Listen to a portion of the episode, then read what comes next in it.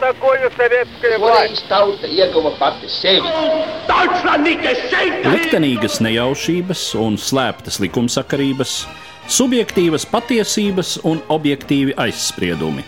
Pēc atkušņa nekad nenāk uzreiz pavasars, bet sākās Arī šodien cilvēki ir ļoti tuvredzīgi. Viņi redz to naudu, kas ir. Televīzijā jau pamatā notiek cīņa par varu. Pagātne no šodienas skatu punkta un šodienas caur pagātnes prizmu. Raidījumā šīs dienas acīm. Katru svētdienu Latvijas radio eterā Eduards Liniņš. Labdien, cienījamie klausītāji!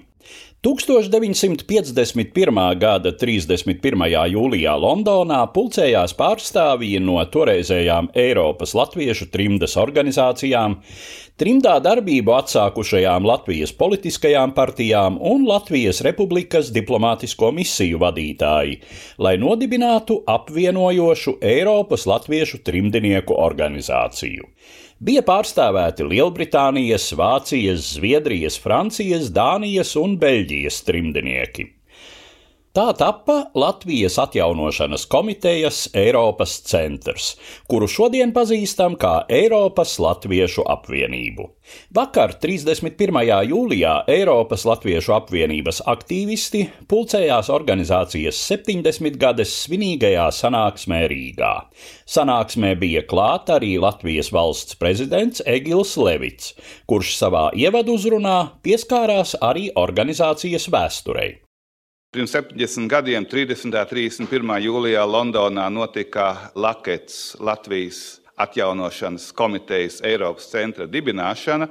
Sākumā domāja par vārdu arī atbrīvošanas komiteja, bet vēlāk izšķīrās par atjaunošanas, kas ir diplomātiski gludāks, bet, protams, ietver arī atbrīvošanas jautājumu. Kas ir interesanti, pie Lakets bija sešu zemju pārstāvniecības bet statūtos bija noteikts, ka Lakets sastāv no šīm sešu zemju pārstāvniecībām, kas veido divas trešdaļas no valdes locekļiem, bet vienu trešdaļu veido politisko partiju pārstāvi. Tātad trimdā vēl toreiz darbojās arī tās politiskās partijas, kas bija dibinātas Latvijā vēl pirms 34. gada, jo pēc 34. gada vairs nedarbojās Latvijā partijas. Un eh, tās turpināja darboties līdz pat 60. gadiem. Vēlāk tikai viena partija, kā sakot, pārdzīvoja šo periodu. Tā ir Latvijas Sociāldemokrātiskā strādnieku partija, kas tad atjaunojās Latvijā 88. un 89. gadā. Tātad viena trešdaļa partiju pārstāv, divas trešdaļas zemju pārstāvi. Vēlāk partiju pārstāvi tā, teiksim, mazāk tur darbojās. Tajā laikā, 51. gadā, Eiropā bija palikusi tikai mazākā daļa no trimdas latviešiem, jo lielākā daļa, kas toreiz līdz 49. gadam atradās bēgļu nometnēs Vācijā, jau bija izceļojusi uz trim aizjūras zemēm - Ameriku, Kanādu un Austrāliju. Bet trīs lielākās latviešu pārstāvniecības veidoja Zviedrija, kur cilvēki īpašā ceļā tur nokļuva ar laivām kā bēgļi. Tad otrais Vācija, kur lielais vairums bēgļu nonāca apmēram 200-250 tūkstoši sākumā, vēlāk apmēram pusi no tiem palika rietumu zonās un dzīvoja bēgļu nometnēs ar īpašu statusu. 47. un 48. gadā viena daļa izceļoja uz Lielbritāniju divas demogrāfiskas grupas. Viens bija jauni vīrieši, jo bija vajadzīgi ogļrači. Un Latvijā nav ogles, bet Tūkstošiem latviešu pieteicās par ogļračiem, un vēlāk, vienu gadu vēlāk, vajadzēja māsiņas. Un arī jaunas sievietes pieteicās tūkstošiem kā māsiņas. Tātad divas grupas vēlāk, protams, sāk strādāt visur pārējo.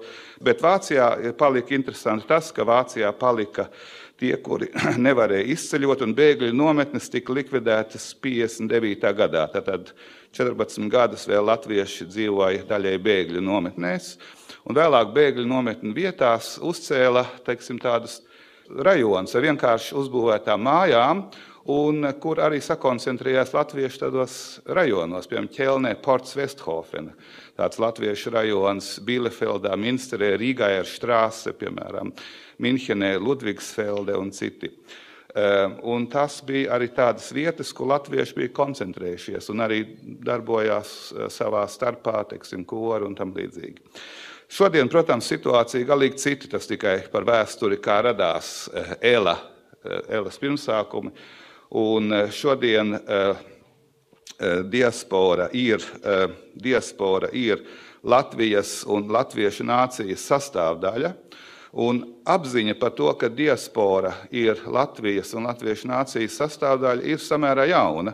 Apmēram kādus desmit gadus, es teiktu, varbūt 12 gadus, jo lielā izceļošana, kas ir atšķirībā no trimdas, lielā izceļošana bija galvenokārt eh, pēc iepriekšējās finansu krīzes, kur diezgan daudz cilvēku nonāca sevišķi Anglijā un Īrijā, bet arī citās zemēs.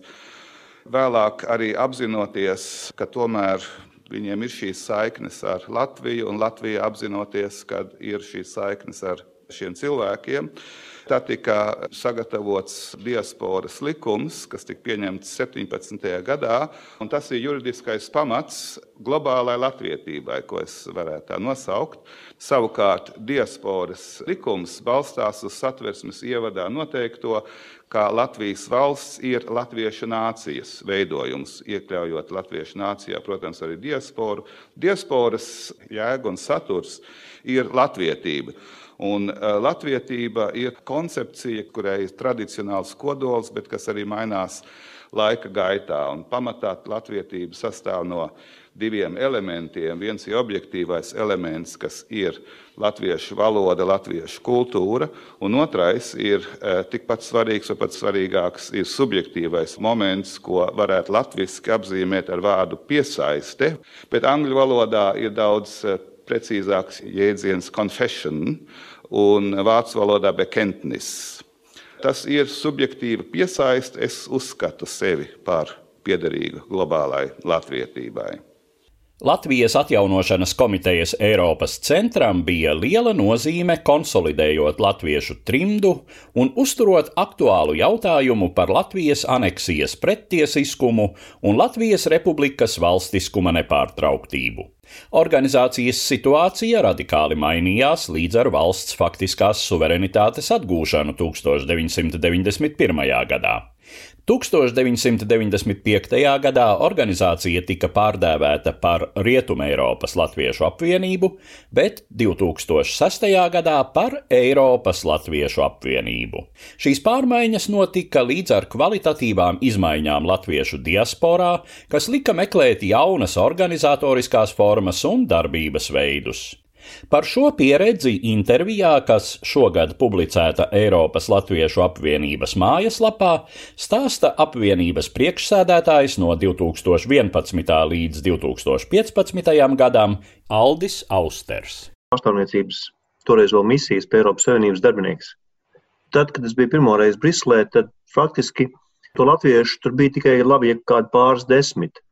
Bija vecie latvieši, kas dzīvoja Beļģijā, bet ar viņiem cieši kontakts nebija, jo viņai nebija pārāk daudz. Un viņu sarīkojumu arī īpaši neinteresēja, jo tad jau toreiz bija gados diezgan pajauns. Un tāda tiešākā sabiedrība bija kolēģi no misijas, kas bija aptuveni mana vecuma, un ar viņiem bija interesantāk. Bet savukārt mainījās vēlāk, pēc tam, kad Latvija pievienojās Eiropas Savienībai. Jo tad es biju vēl vienreiz atkārtot un aizsūtījis Briseli, bet tad jau Latvijas bankas pārstāvis. Un tad tas situācija diezgan strauji mainījās. Briselē auga latviešu skaits, jo tika rekrutēti gan kā tulki, gan kā tehniskie darbinieki, un arī pati misija, kas jau bija pārtuvus pa pārstāvniecību, sāk arī strauji augt. Un tad arī radās tāds jautājums, vai nevajadzētu kaut ko vairāk darīt. Jo pats es esmu bijis diezgan daudz dažādās organizācijās pirms tam.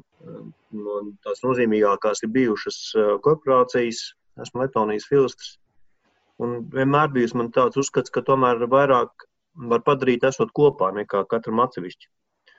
Un redzot to, ka Briselē veidojas šī jaunā latviešu kopiena, kura principā īpaši gribēja saliedēties ar veco kopienu, kas ir tā trimdas sabiedrība. Viņa aicināja mūs uz pasākumiem, bet nu, tā atsaucība liela nebija. Vispār jāsaka to, ka patiesībā pirmsākums bija mazliet agrāk, kad izveidojās Briseles latviešu koris. Un kurim bija diezgan laba atsaucība. Un es arī iesaistījos korī. Un tad Latviešu biedrība Beļģijā, Trimds organizēta, organizēja valsts svētkus un uzaicināja kori dziedāt. uzstāties. Mēs uzstājāmies, pēc tam bija tāds saviesīgs viesmaižu pasākums. Un tad arī tika izdalītas anketas, aicinot latviešu pievienoties. Un tad es šo anketu aizpildīju, un pēc aizpildīšanas, pēc kāda pāris mēnešiem, man uzaicināja uz pilnspulci. Un izrādījās, kas bija vienīgais, kas bija aizpildījis no tiem pārdesmit latviešiem, kas piedalījās tajā sarīkojumā no jauniem latviešiem. Tad uh, bija tā pilnspulce, un tad pilnspulcē bija jautājums patiesībā par to, ko darīt šo biedrību tālāk. Jo patiesībā no tiem cilvēkiem, kas bija sanākuši šo sapulci, nevarēja izveidot pat jaunu valdi. Jo iepriekšējās valdes vadītājs Jermaņkungs bija vadījis šo biedrību jau tūkstošus gadus. Viņš to bija darījis diezgan vienpersoniski, jo, kā saka, vecie jau bija, kas bija, tie aktīvie tie bija apmiruši, un pārējie tur bija burtiski saskaitām uz vienas rokas pirkstiem. Līdz ar to tas principiālais jautājums bija tāds, ja nevar izveidot valdi, varbūt, vajag vispār šo biedrību likvidēt. Un pēc nelielām diskusijām un ar Egīlu Gulbi atbalstu, jo Egīls Gulbis ir no Briseles, tas pats Gulbis, kuram pieder Latvijā Gulbi laboratorijas, vienojamies, ka varbūt tomēr izveidosim valdi nepilnā sastāvā, un ka to biedrību nevajag likvidēt. Tomēr viņai ir vēsture, un tā ir reģistrēta Beļģija organizācija, un ka viņu vajadzētu tomēr censties attīstīt.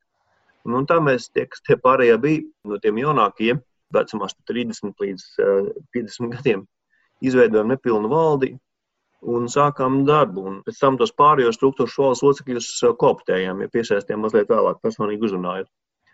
Un tā sākās mans teikt, darbs, sabiedriskais darbs Latvijas biedrība Beļģijā, kurš sākās aptuveni 2005. gadu, un es viņu vadīju šo biedrību līdz pat 2011. gadam.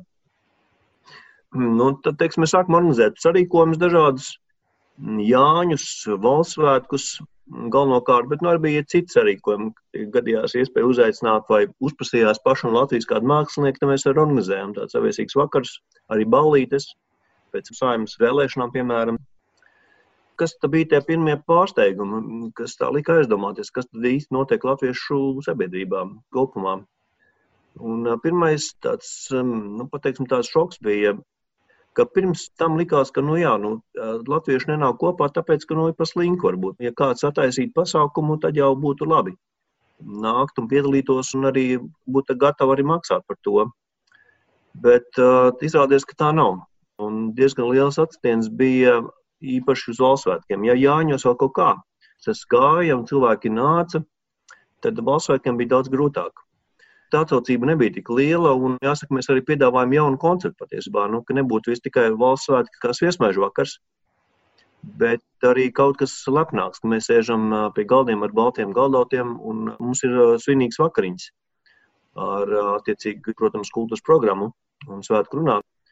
Tā kā īstos svētkos. Bet, protams, Beļģijā kaut ko tādu Briselē organizēt, tas bija diezgan dārgi, tur bija arī diezgan liels dalības maksas.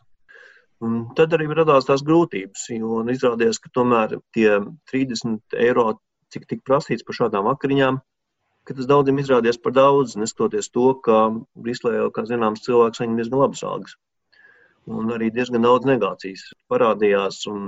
Pat var minēt, piemēru, viena Latvijā pazīstama žurnāliste, kur to laiku strādāja Briselē. Tā arī pateica, ka viņa nemaksās šo 40 eiro par vakariņām valsts svētkos, ja par to naudu var aiziet uz labu roka koncertu. Šāds viedoklis bija daudziem cilvēkiem. Un tas bija tas pārsteigums, ka izrādījās, ka tomēr kvalitīvi norganizēts pasākums nav. Tas šķērslis, šķērslis kaut kas cits, un šķērslis ir politiskās vērtībās. Cilvēkiem tā šķiet, ka valsts svētkus var svinēt mājās. Lai gan patiesībā valsts svētki jau ir tas, kas jāsvin kopā. Tas ir apliecinājums vienam otram, ka šī valsts ir svarīga mums. Tas jādara svinīgā gaisotnē. Un te nevar būt runa par kas maksā par daudz, ne, ne par daudz, ne tikai prasīts liels naudas, bet, man liekas, samērīgi priekš kopiem ienākumiem, kāda mums ir Briselē. Bet, nu, jā, nu, tas bija tāds pirmais moments, kas lika aizdomāties, ka patiesībā problēma ir dziļāka, problēma ir cilvēku uzskatos, tāda arī nolieguma pret valsti kā politisku institūciju. Paralēli arī mēs varam redzēt, ka biedrībai arī veidojās, kur turpināja darboties Beļģijā koris, veidojās arī latviešu deju kopa, arī teātris. Patiesībā atsaucība uz šiem pasākumiem vai šiem sarīkojumiem ir lielāka nekā biedrībai.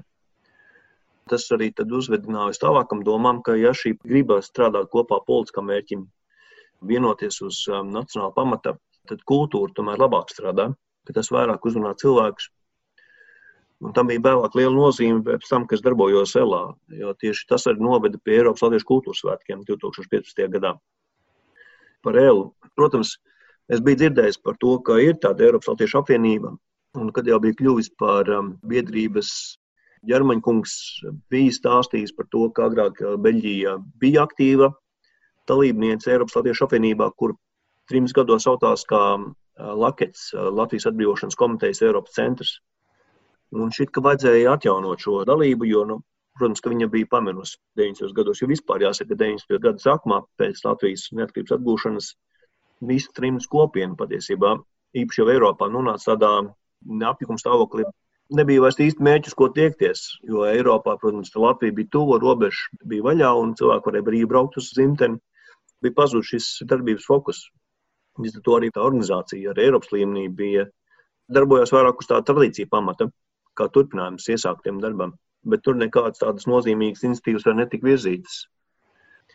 Es biju nonācis biedrības valdē Beļģijā, tad arī eh, meklēju šos kontaktus un atradu Dācis Oteru Timeli, kur bija vadītāja Eiropas Latviešu apvienībai tajā laikā. Viņi tad ir uzaicinājusi pirmo Elas pilnspulci, kur notika Oslo. Man liekas, tas bija 8. vai 9. gads, kurus aizbraucu un tad piedalījos šajā pilnspulcē un notika pārvēlēšanas prezidija pārvēlēšanas un, un ar nelielu minstināšanos pašam, bet arī uzreiz tie pilnspūci arī tika ievēlēts prezidijēlus priekšsēdētājs vietnieks. Nu, un tad sākās mans darbība ar ELA, paralēli Latviešu biedrībai Beļģijā. Protams, ka ELA bija kā jumta organizācija, viņas aktivitātes līmenis bija zemāks. Pilnspūci bija reizes gadā. Nu, un tad šādi tad, uh, sazinu pie epstiem vai prezidija sanāksmes pēc vajadzības tika organizētas. Nu, jā, un tad arī tie Oslo kļuva skaidrs, ka Elē ir jādod jauni mērķi, ka Elas būtībā tā darbība vairs īsti neiet uh, kontekstā ar emigrācijas aktualitāti, jo tas ir tas laiks, kad ne tikai Briselē bija izveidojusies liela latviešu kopiena, bet arī turpinājās paplašinājās emigrācija no Latvijas, un arī latviešu kopienas auga dažādās valstīs Eiropā. Es pats kā valsts tajā laikā iestāžu ierēdnis man bija skaidrs, ka bez valsts atbalsta LR nespēs neko daudz padarīt šajā jomā, ka ir jāmeklē kontakts ar Latvijas valsti, jāmeklē iespējas piesaistīt finansējumu no valsts. Saprīt, tas ir tas laiks arī, kad aptuveni ap šo laiku parādījās ap 9. gadu 8. pirmās programmas. Bet LA par to īsti vēl neviens nezināja. Tad bija skaidrs, ka tas ir viens virziens, kurā jāiet. Un tad arī Oslo vienojāmies, ka jāizveido darba grupa LS reformai. Un šī darba grupa, tad arī mēs bijām trīs, trīs cilvēki, kas arī šajā darba grupā darbojās. Es, Dārts Luters Timēl, kas bija prezidija priekšsēdētāja, un arī Māris Pūlis no Lielbritānijas, kurš pārstāvēja Lielbritānijas Latvijas Nacionālo komiteju. Mēs sākām tikties Briselē. Viņi brauc pie manis ciemos, jo Brisele tomēr ir tāda metropole, ja mūsdienu Romas, kurien ved visi ceļi. Un tad ir Dārts no Vācijas un Mārs no Lielbritānijas brauc pie manis uz Briseli. Tad mēs kādos trīs vai četros vakaros, garākos nedēļas nogalēs, tad arī izstrādājam jauno ELS darbības koncepciju. Un arī statūtus. Un vienojamies, ka ELA ir dibināma kā biedrība Latvijā. Bija varianti, kur būtu mēs to reģistrējam Beļģijā, vai reģistrējam Vācijā vai Lielbritānijā, bet tad vienojamies, ka tomēr tas jādara Latvijā. Tas bija tas uzstādījums, ka mums jāmeklē ceļš pie Latvijas institūcijām. Mums jālaba institūcijas, lai attīstītu programmas, kuras būtu veltītas saites stiprināšanai diasporas latviešiem. Tad vienojamies par statūtiem, un šo arī plānu virzījām nākamajā Elas pilnspūcē, kur tika apstiprināta gan šie statūti, gan arī darbības principi. Un, uh, tas bija tas laiks, ap 2011. gadu, kad es arī pārcēlos atpakaļ uz Latviju. Un, to es savu darbību Beļģijas Latvijas biedrībā pārtraucu pārņēma jauna vadība. Un ap to laiku jau biedrības biedru skaits jau bija izaudzis līdz nepilnīgi simts, kas jau bija labs progress līdzinot ar to, kāda situācija bija 2004. gadā. Turpināja vadīt Elu no Latvijas, un ap 11. gadu arī notika pārvēlēšanas, un man, mani ievēlēja par prezidiju priekšēdētāju. Meklēju kontaktus ar institūcijām. Pirmais, protams, atbalsta punkts bija ārlietu ministrija, kurā arī bija izveidots īpašā uzdevuma vēstnieku postenis tiespolas lietās, Tad arī sākām strādāt ar citām institūcijām, ar izglītības ministriju, ar kultūras ministriju, mēģinājām arī ar ekonomikas ministriju. Pirmais vēstnieks, kur man bija darbs, bija Rolands Lapuķa. Rolandu jāsaka labākie vārdi. Viņš ir tomēr pēc savas būtības intelektuāls. Un ar viņu bija interesanti strādāt. Visos jautājumos mūsu doma sakrita, bet viņa atbalsts bija ļoti nozīmīgs. Un varētu teikt, par, par kādiem 90% bijām viensprātis par virzieniem un par izvēlētajām darbības metodēm. Laba sadarbība izveidojās to laiku arī ar kultūras ministriju, jo pirmajā vizītē, kurā mēs bijām pie ministrs, un ministra toreiz bija Starmīta Elerte, Viņu uzreiz uzķēra domu. Viņa saprata, ka šis ļoti perspektīvs politikas virziens, sadarbība ar diasporu, un viņa arī uzreiz jau pirmajā satikšanās reizē proponēja, ka būtu jāorganizē konference, diasporas konference, kurā piedalītos gan cilvēki no diasporas, dažādām kopienām, gan arī no Latvijas valsts iestādēm. 50, 50, tā lai teikt, no abām pusēm, un lai aktualizētu dažādus sadarbības virzienus. Vēlāk šī konference arī attīstījās. Tas nosaukums bija Latviešu pasaulē piederīgi Latvijai. Jā, ar izglītības ministriju bija grūtāk. Ministrija bija ļoti aizņemta un kā vienmēr bijusi aizņemta Latvijas iekšējām problēmām. Un domāt par vēl diasporu, nu, absolūti negribējās. Bet mums paveicās Latvijas valodas aģentūra. Tur gan bija dzirdīgāks auss.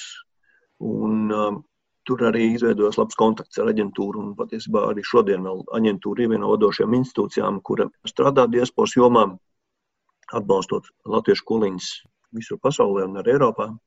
Caur aģentūru nāk arī nozīmīgs finansējums skolu atbalstam. Bet tolaik, protams, šādu finansējumu vēl nebija. Bet bija dzirdīgas ausis. Un ar aģentūru mēs sākām strādāt kopā.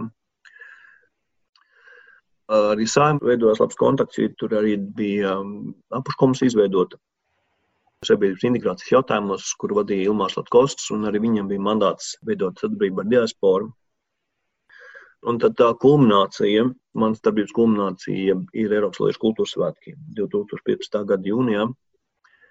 Atceramies, ka 15. gads bija Latvijas prezidentūras gads.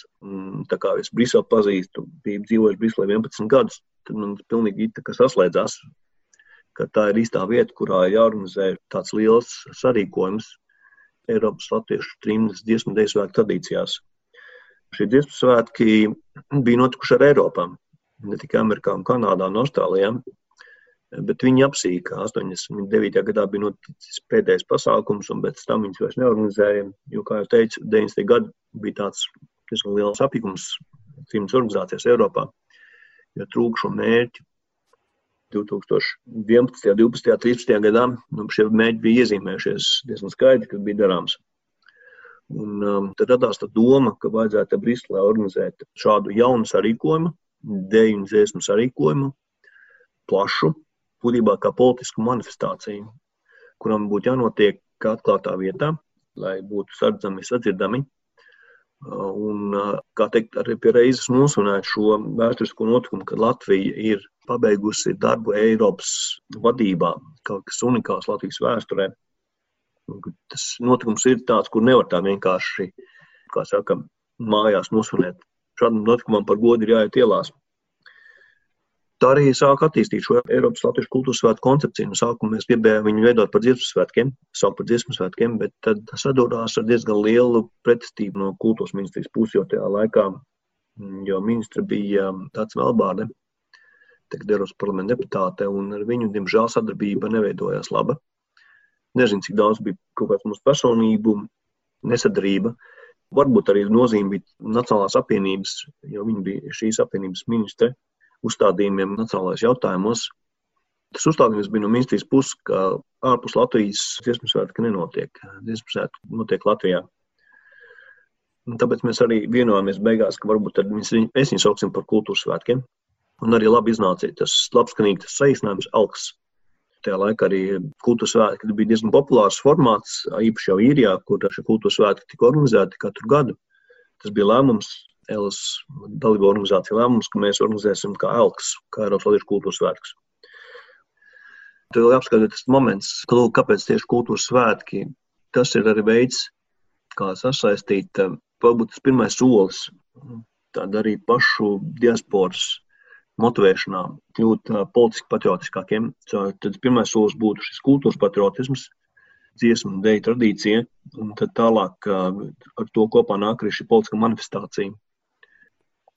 Mēs arī piesaistījām finansējumu gan no Briseles pilsētas, gan no Latvijas valdības, no ārlietu ministrijas. Arī mēs lūdzām pašus dalībniekus maksāt. Tas bija kaut kas unikāls. Jo paši dalībnieki, gan dziedātāji, gan dejotāji, kur uzstājās, viņi maksāja līdzlības maksu. Jo mums bija jābūvē liela skatuve. Tomēr bija skaidrs, ka tādā pilnīgi atklātā vietā uzstāties mēs nevarēsim. Nebūs dzirdamības, un vienkārši tas var izvērsties par lielu hausu. Mēs atradām lielu skatuvi, arī norganizējām apskaņošanu, lai viss būtu labi dzirdami un redzami. Pasākums notika Monezā, tad Mākslu kalnā pie Briseles vecpilsētas. Vieta tiešām ļoti labi pārdzama. Skatu bija puskalnāts, to viņi var redzēt no nu, ļoti liela attāluma. Paldies Dievam, arī laika apstākļi bija labi. Visu atļaus mēs bijām saņēmuši no pilsētas un pasākums notika. Piedalījās aptuveni 800 dalībnieki dažādu vecumu, no dažādām Eiropas valstīm, arī no Latvijas atbrauc daži kolektīvi. Protams, un bez tam bija arī presē liela atsaucība. Bija, tas bija plašāk atspoguļotais Latvijas prezidentūras kultūras pasākums Beļģijas masu medijos. Jo skaidrs, ka Rāmanu Paulu cieņu maestro, bet neviens viņu, diemžēl, tajā pasaules pusē nepazīst, un par viņu arī daudz neviens nerakstīja. Tā bija uztver kā tādu formālu prezidentūras kultūras programmas notikumu. Kamēr mūs elks šī demonstrācija, tautas uzstāšanās, pat dejošana, dziedāšana, galvenokārt jau dejošana tā ir piesaistot uzmanību cilvēkiem, garam gājējiem. Skatītāji bija daudz, vairākus tūkstošus mērāmi. Būtībā tā bija jā, kulminācija. Un noslēgumā Eiropas Latviešu apvienības šī brīža un nākotnes perspektīvas ieskicējums, kā to 31. jūlija notikumā Domnīcas diaspora un Latvija 2030 kādi būsim ietvaros, iezīmēja apvienības pašreizējā priekšsēdētāja Elīna Pinto. Es atskatos pati uz, uz savu pieredzi, nu, aptuveni astoņus gadus aktīvi darbojoties tagad ELA ietvarā. Šie gadi ir bijuši tāds neiespējamais špagats. Pirmkārt, ir vienā pusē jāietiecās vēsturē, kur ir cienījams trimdas devums un tāds absolūtais imperatīvs saglabāt mūsu nacionālo vēsturisko identitāti, pieminēt mūsu tautas sāpīgos pavērsienu punktus Un otrā pusē mums eh, jāspēj runāt par to, kas būs aktuāli rīt, un jāspēj runāt vienkārši un bez patosa, dzīvi un mūsdienīgi, krāsaini un sirsnīgi. Tad atkal mums ir šis geogrāfiskais uh, un uh, vēsturiski politiskais špagats, ja, kur vienā pusē mums ir teiksim, Lielbritānijas latvieši ar savu milzīgo vēsturisko un arī šā brīža kopienu. Un tālāk ir arī tā pati Gruzija, kurai bijis pavisam cits vēsturiskais ceļš un citi izaicinājumi attiecībā uz pilsonību, piemēram, dubultpilsonības atzīšanu un citiem jautājumiem. Un tad ir atkal vērums pāri Latvijai un diasporai. Un būt visu šo milzīgo jēdzienisko, politisko, geogrāfisko un paudžu atšķirību centrā nav vienkārši. Vienlaikus tas ir ļoti iedvesmojoši, jo tas rāda, ka mēs visi savā dažādībā tomēr varam atrast vienojošo. Un man liekas, ka tas ir tas, kas ir ārkārtīgi svarīgi arī Latvijai 2021 un 2030. Ka mēs, neskatoties uz savām geogrāfiskajām dzīves pieredzes, paudžu un attieksmju, reliģijas, orientācijas vai citu parametru atšķirībām, mēs varam atrast kopīgo. Un Mūsu gadījumā tas kopīgais ir tas, lai Latvijai zeltu, plauktu, lai Latvijas cilvēki justos piederīgi un saliedēti. Un tas ir tas vēlējums, ko es vēlētos nodot nākamajām ELA vadītāju paudzēm. Spēt izdarīt šo neiespējamo špagatu un spēt vienmēr koncentrēties uz to, kas ir mums kopīgais, būtiskais un saliedējošais. Līdz ar to izskan mūsu šodienas raidījums, kurā pieskārāmies Eiropas Latviešu apvienības vēsturei un šodienai, atzīmējot 70. gadsimtu kopš apvienības dibināšanas. Raidījumā dzirdējāt Latvijas valsts prezidentu Egilu Levitu, Eiropas Latviešu apvienības kādreizējo priekšsēdētāju Ivaru Austeru un pašreizējo priekšsēdētāju Elīnu Pinto. Uz redzēšanos, cienījamie klausītāji! Katru svētdienu Latvijas radio viens par pagātni sarunājas Eduards Līniņš.